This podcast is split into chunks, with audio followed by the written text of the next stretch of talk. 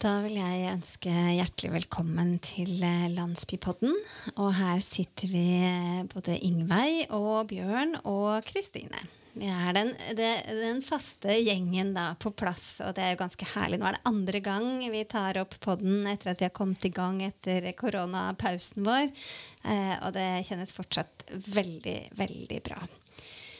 Og så er det jo eh, Det begynner å nærme seg sommer, altså. Eh, vi har god værmelding foran oss, eh, Ingveig. Og ute så vokser og gror det, og det er så masse god mat nå. Jeg har både salat og reddiker og litt av hvert i hagen min. Og, og det med den norske maten, når den nå kommer i sesong Åh. Ja, da er det bare å lene seg tilbake og la det stå til. I dag når jeg kjørte til jobb, så tenkte jeg nå har jeg juni, juli, august og litt av september som på en måte er sommeren. Så tenkte jeg jeg er med sjøen, og dette blir bare så bra. Det sa jeg til meg sjøl. Og så snakker jo du om mat, og da kjenner jeg jo at det er tema for denne podkasten. For vi har en veldig kul gjest i dag, og det er en kjøkkensjef som heter Mette Haugvaldstad. Velkommen, Mette. Tusen takk. Og bare for å liksom gi en ramme rundt uh, Mette, da, for de som ikke kjenner til henne, så er hun altså kokk fra Randaberg. Sånn iallfall delvis. Hun har jobbet uh, på Engø gård, tok læretiden der, det er i Vestfold. Og så har hun jobbet på to restauranter i Oslo som har hatt Michelin-stjerne, og det er Fauna og Oscars gate. Nå er du kjøkkensjef og medeier på Kafé Matmagasinet i Stavanger. Og nå ruler du liksom der, da. Ja, det stemmer. Ja. Du, jeg bare tenker på, eh, Hva var det som fikk deg til å velge det å bli kokk? Eh, det var ganske tilfeldig, faktisk. Jeg eh, gikk på Harestad på ungdomsskolen, var snart ferdig, og jeg visste egentlig ikke helt hva jeg skulle gjøre. Og så var det mamma som bare slo til og bare 'Kanskje du går på restaurantfag?' og jeg bare 'Ja, OK, why not', liksom. Okay. Og så ble jeg egentlig bare inspirert av læreren min. Hva skole gikk du på da? Da gikk jeg på Godalen. På Godalen, ja. Mm. Så balla det på seg. Og, og den han, læreren var Husker du? Han heter Terje. Ja. Mm. Så vel ble jeg bare glad i å lage mat og jobbe på kjøkken. Og det var liksom Fant meg greier da. Mm. Men så tenker jeg, eh, det er jo én ting å velge det faget, men du har liksom ikke valgt helt sånn vanlige på en måte nede på jorden-restauranter når du har valgt å jobbe? Nei. så du har jo noe annet òg bak dette? Ja, sånn Engø gård er jo en anerkjent plass. Det var jo egentlig ikke der jeg ville gå i lære heller. jeg har ikke valgt så mye sjøl, kanskje. Tilfeldigheter. Nei, vet du hva. Jeg, eh, når jeg begynte andreåret på skole, så fikk jeg jo jobb på Matmagasinet når det, gikk, når det var nede i Egenesveien. Det var liksom første kjøkkenjobben, da.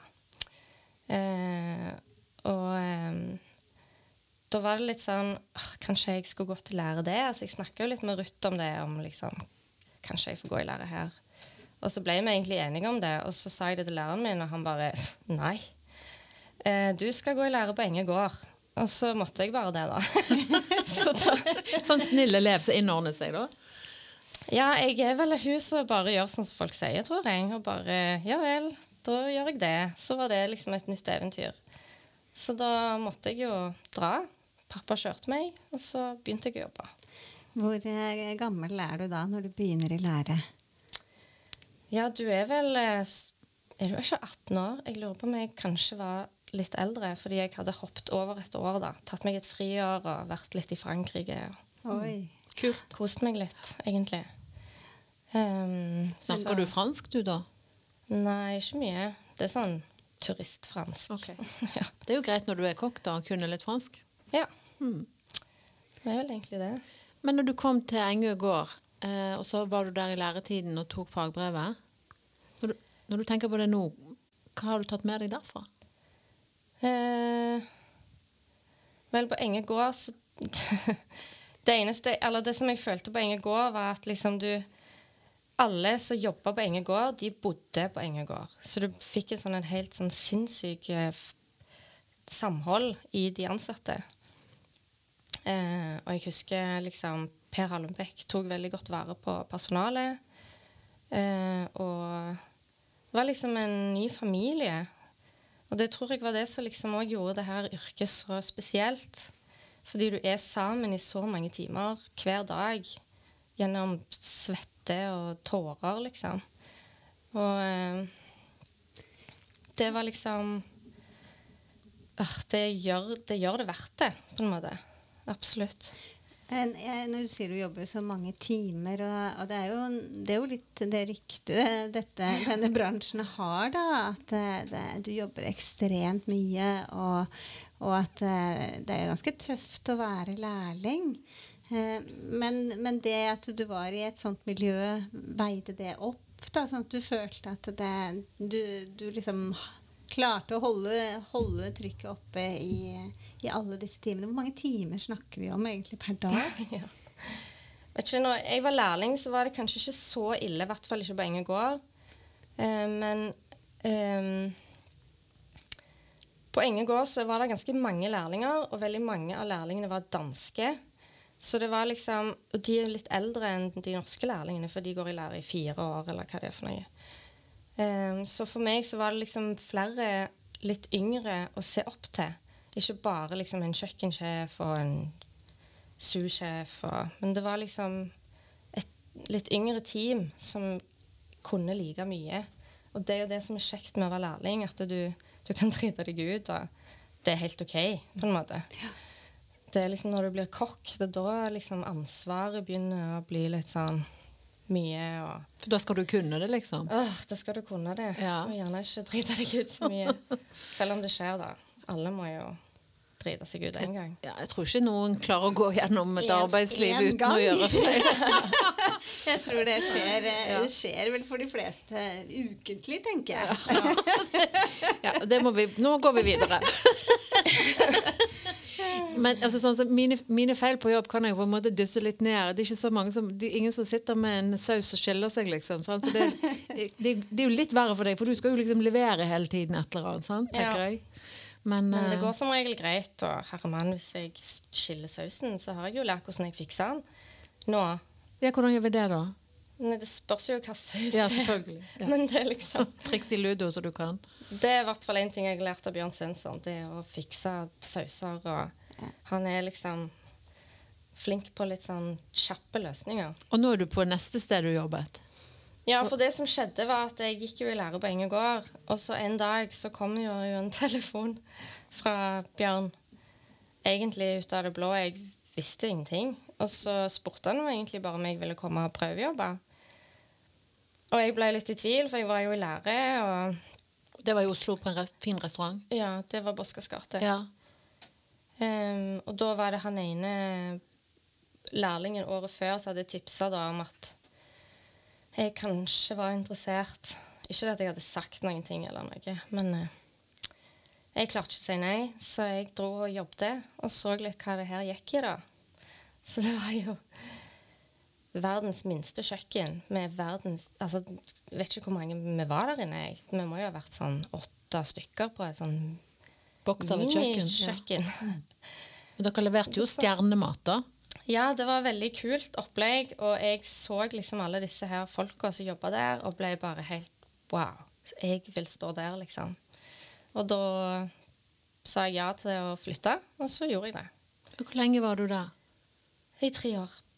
Ja, Det er jo heftig på et uh, toppkjøkken. Ja, ja, det vil jeg si. Et uh, lite, varmt kjøkken. Så fikk jeg liksom tatt uh, fullført læretida mi da, der det siste halvåret. Og så begynte jeg å jobbe som komi, og etter hvert så ble jeg kokk, da. Hva er komi? Det er liksom Kanskje assistentene til, til kokkene, da. Så du er på en måte en videreutvikla lærling, på en måte, men ikke. Du er jo en kokk, men uh, ikke så mye ansvar, kanskje? Eller? Ja. Mm. På et uh, stjernekjøkken så må dere jo uh, bruke mat som gir denne stjerna. Og, og dette med å bruke ting du kan hente i naturen. Mm jeg ser jo på stjernerestaurantene at det de serverer, etter hvert har blitt veldig veldig mye spennende eh, som de har henta fra naturen. Og de bruker lokale råvarer. Kan ikke du, Det er jo mitt felt, jeg er jo veldig glad i dette med, med spiselige ville vekster. Kan ikke du fortelle litt om, eh, om hvordan ja, det brukes, og hvordan dere tenker da, på en sånn topprestaurant eh, om det? Jo, um, på Oscarskartet så begynte vi vel Når jeg uh, begynte der, så plukka vi ikke så veldig mye sjøl. Men så ble det liksom ei greie å gå ut og plukke ting. Så vi måtte jo bare ut Vi dro jo bare ut og plukka alt vi fant. Også, kunne, kunne dere dette? Nei. Det var jo sånn det starta. Vi gikk ut, og så plukket vi bare en haug med greier. Og så sjekka vi i bøker. liksom, Hva er det her, hva er det der? sant? Eh, og da fant vi jo Vi begynte jo liksom å lage brenneneslesuppe med skvallerkål. Og rullik kunne du spise. Ja, da putter vi rullik, rullik på den retten. sant? Så ja. Ja, så var det jo altså Hylleblomst eh, kan du jo spise. Eh, hva mer var det vi hadde?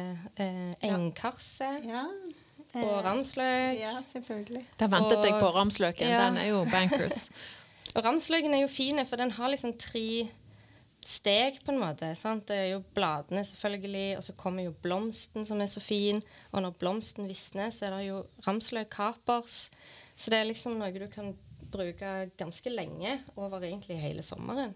Ja, det er sant. Um, hva mer plukker vi? Det er jo liksom granskudd. Ja, granskuddsirup. Det snakka jeg om i den forrige podden. da. Som, eh, som noe som er supergodt, i hvert fall. Ja.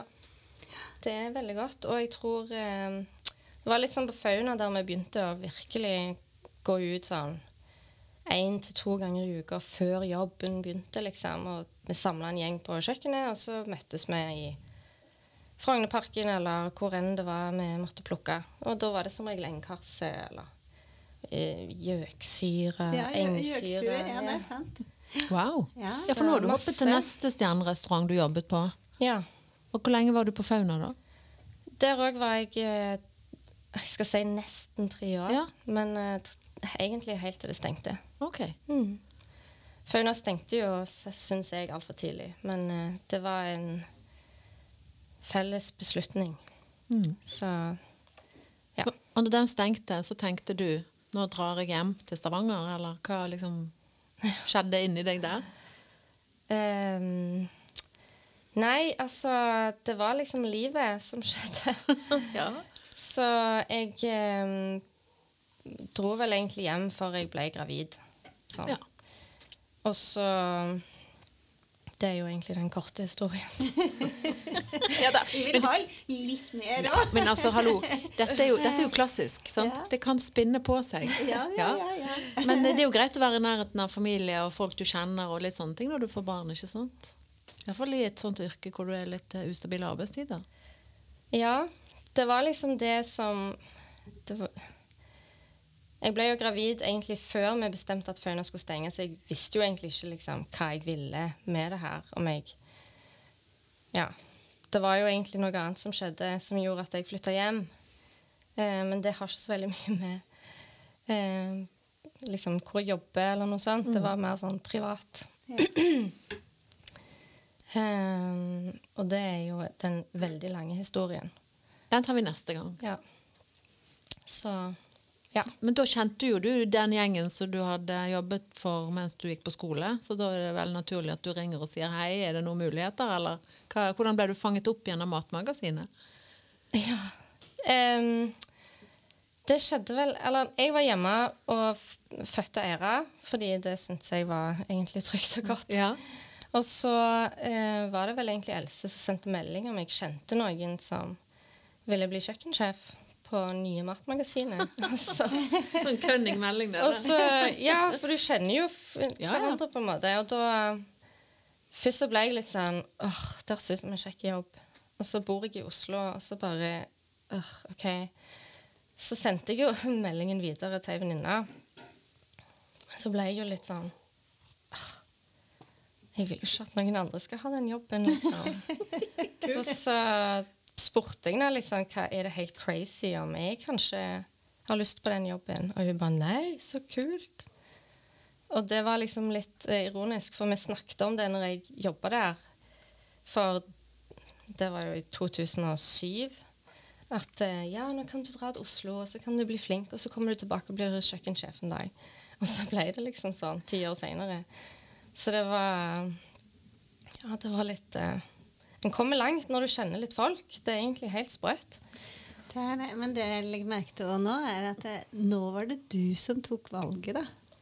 Altså, du, har, du, har, liksom sagt at du har liksom Ja, ja, det har bare kommet, og så har du liksom sagt ja, og så har du liksom eh, latt deg liksom nærmest drive med. Mm. Eh, men dette valget tok jo du virkelig da helt sjøl. Mm. Så det er jo litt kult. Men hva, hva, er det som drar deg tilbake igjen her? En ting er liksom den jobben men, eh, og, og, litt familie òg, men, men det er, var det noe mer òg som, som, gjør at du, du velger å være her?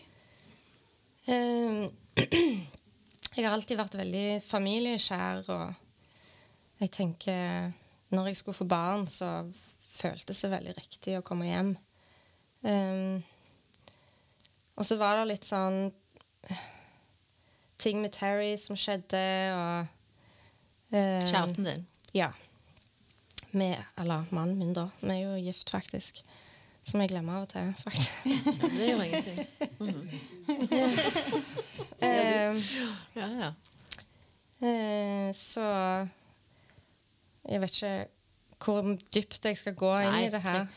Men, men det blir, jeg, jeg, tenker jo at det er jo en gave, tenker jeg. Mm. At du kom tilbake med, med den erfaringen. Mm. Og, så, og, så, har du lyst til å jobbe i Stavanger, sant? for vi vil jo ha talenter og flinke folk her. Det gir jo så store ringvirkninger. Mm. Du kan gå og få fantastiske matopplevelser. Sant? Og da tenker jeg, etter disse tre stedene som du har vært innom, kommer du hjem og skal definere ditt eget kjøkken. Sant?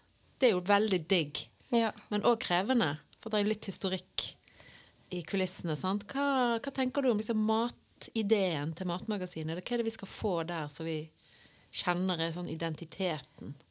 Det, det er jo veldig mye klassiske matmagasineretter som jeg har tatt med videre, fordi de er bra, og de selger bra, og de er gode, og jeg vil ikke endre så mye på det. Um, og så for meg så vil jeg bare lage god, ekte mat, liksom. Som snakker for seg sjøl, og ikke så mye sånn dill. Og ikke få servert liksom, mat som ikke ser ut som hva det er. Jeg har liksom gjort så mye rart i seks år. Så nå vil jeg bare lage enkel, god, ærlig mat til folk som setter pris på det, rett og slett. Og jeg hører på gjestene òg, hva de savner, hva de vil, liksom. Oh, ja, men hvordan gjør du det? Altså, Går du rundt og snakker med folk eh, i jeg restauranten? Jeg prøver, men jeg er jo ikke så veldig god på det. Men de nevner det jo når de handler hos oss at det, åh, 'Hvor er den salaten?' eller 'Jeg savner det', og 'Den retten var så god, kan jeg ikke ta den tilbake?' eller Så tenker vi jo alltid på det, men det er jo litt sånn med sesongen, ikke sant. Jeg vil jo bytte litt på ting og ikke lage det samme hele tida. Det skal være en litt sånn Litt av alt. Sånn at alle kan komme og spise og finne noe de har skikkelig lyst på. Mm. Det er litt sånn matmagasinet, føler jeg. Å bruke sesongen. Altså det, det, mm. Da mener du det som, som er i sesong av, av eh, matvarer, ikke sant? Mm. Absolutt. Og det er jo det som jeg setter veldig veldig pris på. Hvis jeg kommer på en restaurant, og at jeg ser liksom at det er det som er nå. Eh, og da er det jo også så ferskt og, og forhåpentligvis eh, har det ikke reist altfor langt. ikke sant? Så, så, det med å bruke ting som er i sesong, det, ja, nei, det, det har jeg sans for. Det er så fint å se. liksom, Nå er det jo vår, og det kommer jo helt fantastiske grønnsaker og, i alle farger. og Det er jo liksom nå vi skal bruke de, og lokale råvarer. og Det er jo inspirerer jo de jeg har ansatt òg, til å liksom få inn litt gode ting. Så det, det hører med. Mm. Men du, jeg, må, jeg, klarer ikke å holde meg fra det spørsmålet, for du var jo inne på dette som du sa under læretiden, med litt sånn eh, svette og tårer, og du skal liksom knekke disse kodene. Og så er det jo Alle som eh, har sett et matprogram, har jo sett at en del kokker har ganske store egoer og blåser seg opp og slår litt i bordet og sånn. Er det, altså, hvor er du der? Er du en sånn kokk? Og har du noen forbilder på en måte som inspirerer deg? Ikke på å slå i bordet nødvendigvis, men på mat og sånn de gjør det. Hva hmm. tenker du? jeg er ikke så veldig sånn slår i bordet og kjefter veldig mye. Og jeg blir jo irritert hvis jeg blir irritert. Ja, ja. Og alle har jo ja, En må jo på en måte vise at jeg er sjefen iblant. Det må jeg. Um, jeg vet ikke, jeg hørte på uh, ei, et intervju eller en podkast med hun René i eh, Trondheim. Hun har en eller annen restaurant som heter Bula. Sant? René Fagerhøy. Hun virker veldig kul, syns jeg. Og det er litt sånn, vi mangler litt de jentene som er litt sånn out there og liksom byr på seg sjøl. Det er liksom jentene i kokkeyrket, de er litt sånn Jeg merker det sjøl at jeg er veldig sånn lav profil, og jeg er ikke så veldig sånn her er jeg og skal vise meg fram. Og det er liksom Egoet havner fort hos eh, herrekokkene, da, vil jeg si. Som Ja. Det er, bare, jo, det er jo en endring på gang der. det er absolutt det, og det håper jeg jo at flere vil på en måte vise seg fram og bli kjøkkensjefer og liksom det er, det er absolutt rom for flere damer i konkurranser, f.eks. Men det er de jo ute og promoterer egentlig hele veien. Så Er det noe du kunne gjort? Konkurrert? Nei. Jeg har ikke tid. Jeg har ikke tid. Nei. Det er, jo veldig, det er jo veldig krevende. Det er veldig mye jobb i tillegg til jobben. Ja. Ja. Og det har jeg ikke. Nei. Jeg har ikke mer tid. Nei, altså du, Nå har jo du ei lita jente, mm. så det er klart det krever mye. Og lange dager har du jo også. Ja. Men hva er det René har gjort? René Fagerøy har gjort? Eller hva er det hun gjør som du liker? Jeg vet ikke, Hun er bare sånn outgoing, og hun snakker liksom fra levra. Hun er bare kul. Så var hun jo med på det der Toppsjef. Hun vant jo Toppsjef. Ja. Så det er jo, var jo en veldig kul konkurranse, for hun ene på Fauna var jo med. Mm. Så da fulgte jeg jo skikkelig med. Det er jo En trenger liksom noen sånne damer. Kokker, da. Som er litt sånn. Så jeg skulle jo ønske at jeg var litt mer sånn, men eh, Ja, du har mye, mye i deg, nå, Det hører vi jo. Så, så det er bare å hente det fram, tror Ja, jeg. for, for å si det sånn, jeg er en late bloomer, så det er aldri for seint. Ja, ja, nei, nei, nei. Altså, du er jo altså, 30 år. Altså, det, det virkelig altså, Den dagen du er, eh, er 40, så tar du verden. Bare vent, altså, Ja. Vi gleder oss til det. ja. Så nei, det er kjempebra. Men jeg tenker altså, du, Har du lærlinger? Eh, på Ikke ennå, men jeg tenker på det. Nå, er Ja. liksom, nå har det gått tre år, og jeg føler ting begynner liksom å bli litt sånn stabilt. Og jeg må liksom ha tid til de stakkars lærlingene. ja. Og så må jo koronakrisen forsvinne. Ja. På den, hvordan har det gått med dere? Dere måtte stenge en periode. Stemmer det. Um, ja. Det har egentlig gått uh, veldig greit. Nå har meg og Else jobba veldig hardt for å få det til å gå. Og vi har jo måttet kutte åpningstider og sånne ting, men nå er vi tilbake for fullt, egentlig. Både med ansatte og Der er fullt. Egentlig ganske mye av tida. Dere tar inn så mye dere kan i forhold til reglene? Mm. Mm. Så det er jo mindre bord, mindre stoler og sånne ting. Men vi har jo heldigvis den fineste uteserveringen i byen. Så nå er det sol, så da er det plass til flere folk. Og det er jo veldig kjekt, for det er mer folk enn stoler. Det vil jeg si. Et godt tegn. Det er et Ja, godt tegn. det er veldig bra. Eh, Det med, med smittevern altså jeg, eh, Vi snakka litt her eh, før vi begynte opptak, at dere hadde hatt besøk i går av smittevernet på restauranten. Og det var jo litt eh, altså Jeg visste jo ikke det fantes et smittevern, jeg som gikk rundt og passa på at dette var i orden. Eh, Men som jeg, du sa at det var egentlig de som holdt på med skjenkekontrollen, som også har smittevernet. da. Men fortell litt, eh, hvordan var det eh, når smittevernet kom på besøk? da? Hvordan, eh, altså, hvordan er det ting skal være for at det skal liksom være sånn, sånn helt tipp topp i forhold til smittevern? Nei, altså de, eh, de kommer jo på sånn hemmelig sjekk, sant? så de var jo faktisk og spiste lunsj først. Uten å si hvem de var? Uten å si noen ting. Oh, ja. Så, men det gikk veldig bra. Vi har satt stolene spredt, og de var vel fire stykk, så det var liksom ikke noe problem. Så har de sikkert stått og fulgt litt med, og så gikk de og snakka med Else, da. Sjefen, gikk, eller en av dine kollegaer. Ja, og hun gikk, eh, så gikk de gjennom ting i kafeen, og Um, og det var jo overraskende veldig nytt for de òg. Sånn at når vi spurte de spørsmål, så var de litt sånn Å, det vet OK. Hjelp, hva skal vi svare? Ja. Ja. Sånn at uh, det var veldig sånn Egentlig litt rart, men uh, de var veldig fornøyd. Vi følger reglene. Um, vi må bare fortsette å gjøre det vi gjør, tror jeg. Ja. Så går det bra. Så håp, det var jo egentlig litt godt at de kom, så vi fikk liksom bekrefta at eh, OK, det er trygt og godt å komme, og vi gjør ikke noe feil. Og, så det er bra at de går rundt. Ja, sånn at uh, Jeg tror folk faktisk trenger litt hjelp med det her i bransjen. Hva er, hva er rett, og hva er galt? Du kan jo ikke gi noen menyer. Sant? Det er veldig vanskelig. Mm. Men så er det vel også det at uh, hvis, hvis en ser at gjestene ikke oppfører seg sånn som de skal i forhold til smittevernet, da, så er det jo også en trygghet for dere å vite på en måte det er regelen, sånn skal det være. Og at -hmm. dere med litt sånn større tyngde kan, kan rett og slett rett rettlede gjestene og si at nei, men vi har hatt smittevern på besøk. Sånn og sånn er det, og ja. det må vi forholde oss til. Og beklage, men det gir jo en sånn litt mer sånn trygghet for at dere kan være ganske myndige òg i forhold til mm. håndhevelsen av disse reglene. Og det Absolutt. tror jeg vanlige folk trenger. fordi jeg merker jo det at nå begynner vi jo, ja, nå begynner vi jo å, å slappe av. Altså, fordi at denne énmeteren den går liksom litt sånn av seg sjøl, og, og, og, ting begynner å normalisere. Så jeg, jeg tror jo at, at, vi trenger at noen passer på oss. Altså. Nei, snakk for deg sjøl. Hun vil ha en sånn tante Sofie, men det trenger vi ikke. Men vet du hva? Eh, tiden løper fra oss, så vi skal si takk til Mette. Og så skal vi si tusen takk til Mette Haugvoldstad up and coming kjøkkensjef på den kuleste kafeen Matmagasinet. Og jeg vil gjenta det som hun sa. Byens beste uteservering. Sånn som så det bare å stille seg i kø. Men følg smittereglene. Tusen takk, Mette. Tusen takk.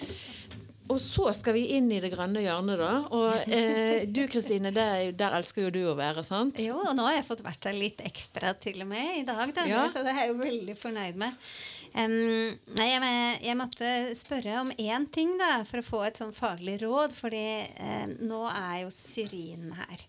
Og den er så vakker, og jeg liker den vanlige syrenen. Den som er litt sånn blålilla. sant? Den gammeldagse. Å, den er så fin. Ja, det er perfekt. Og nå Kan jeg bare si, når jeg går forbi sånne syrinbusker, så har jeg lyst til å knekke en bit av. Så jeg må liksom holde meg igjen. Sånn at det ikke blir en sånn syrintyv i hagene til folk. Ja, og, og, der ligger jeg litt svett an snart. Altså, fordi at eh, min mann beskar altså den syrinen jeg har i hagen. Og, og det er kommet fire syrinblomster, eller sånne klaser da, med syrinblomster. Fire! Du ville gjerne hatt 20? Liksom. Det er litt få. Så, så, jeg ligger an til å prøve å få skaffe meg noen mer, i hvert fall. Men la meg nå si det som jeg tenkte å si om syrinene. Altså, de er jo vakre, men de er spiselige, blomstene på syrin.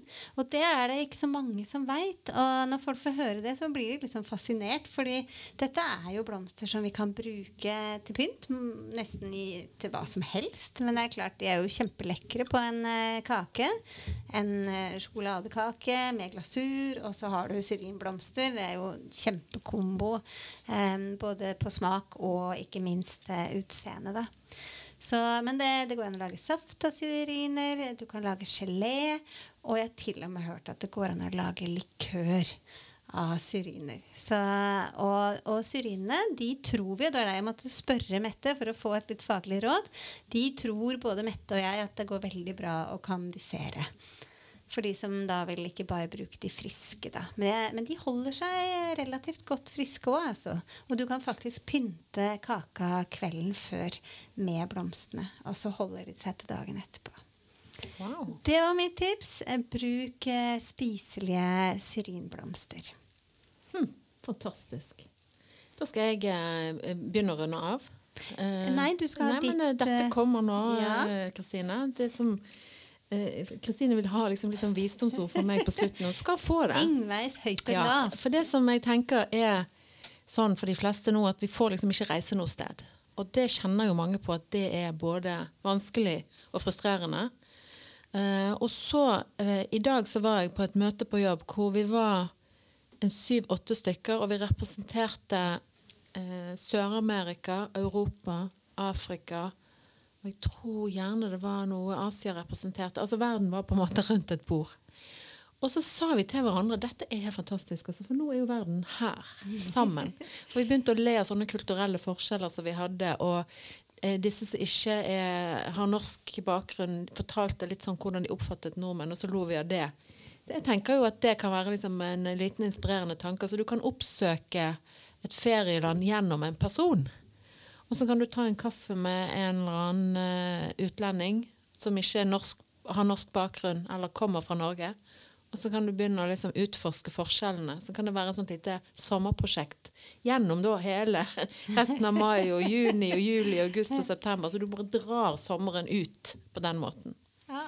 Så det er mitt tips. Og så vil jeg si tusen takk til deg, Kristine Enger, og Bjørn Tagliano Erdal, som er vår uh, silent partner for øyeblikket, lydmann. Og jeg heter Ingveig Tveranger, og du finner masse info om dette på vår eh, Facebook-side og Instagram som heter Landsbypodden. Og så snakkes vi snart.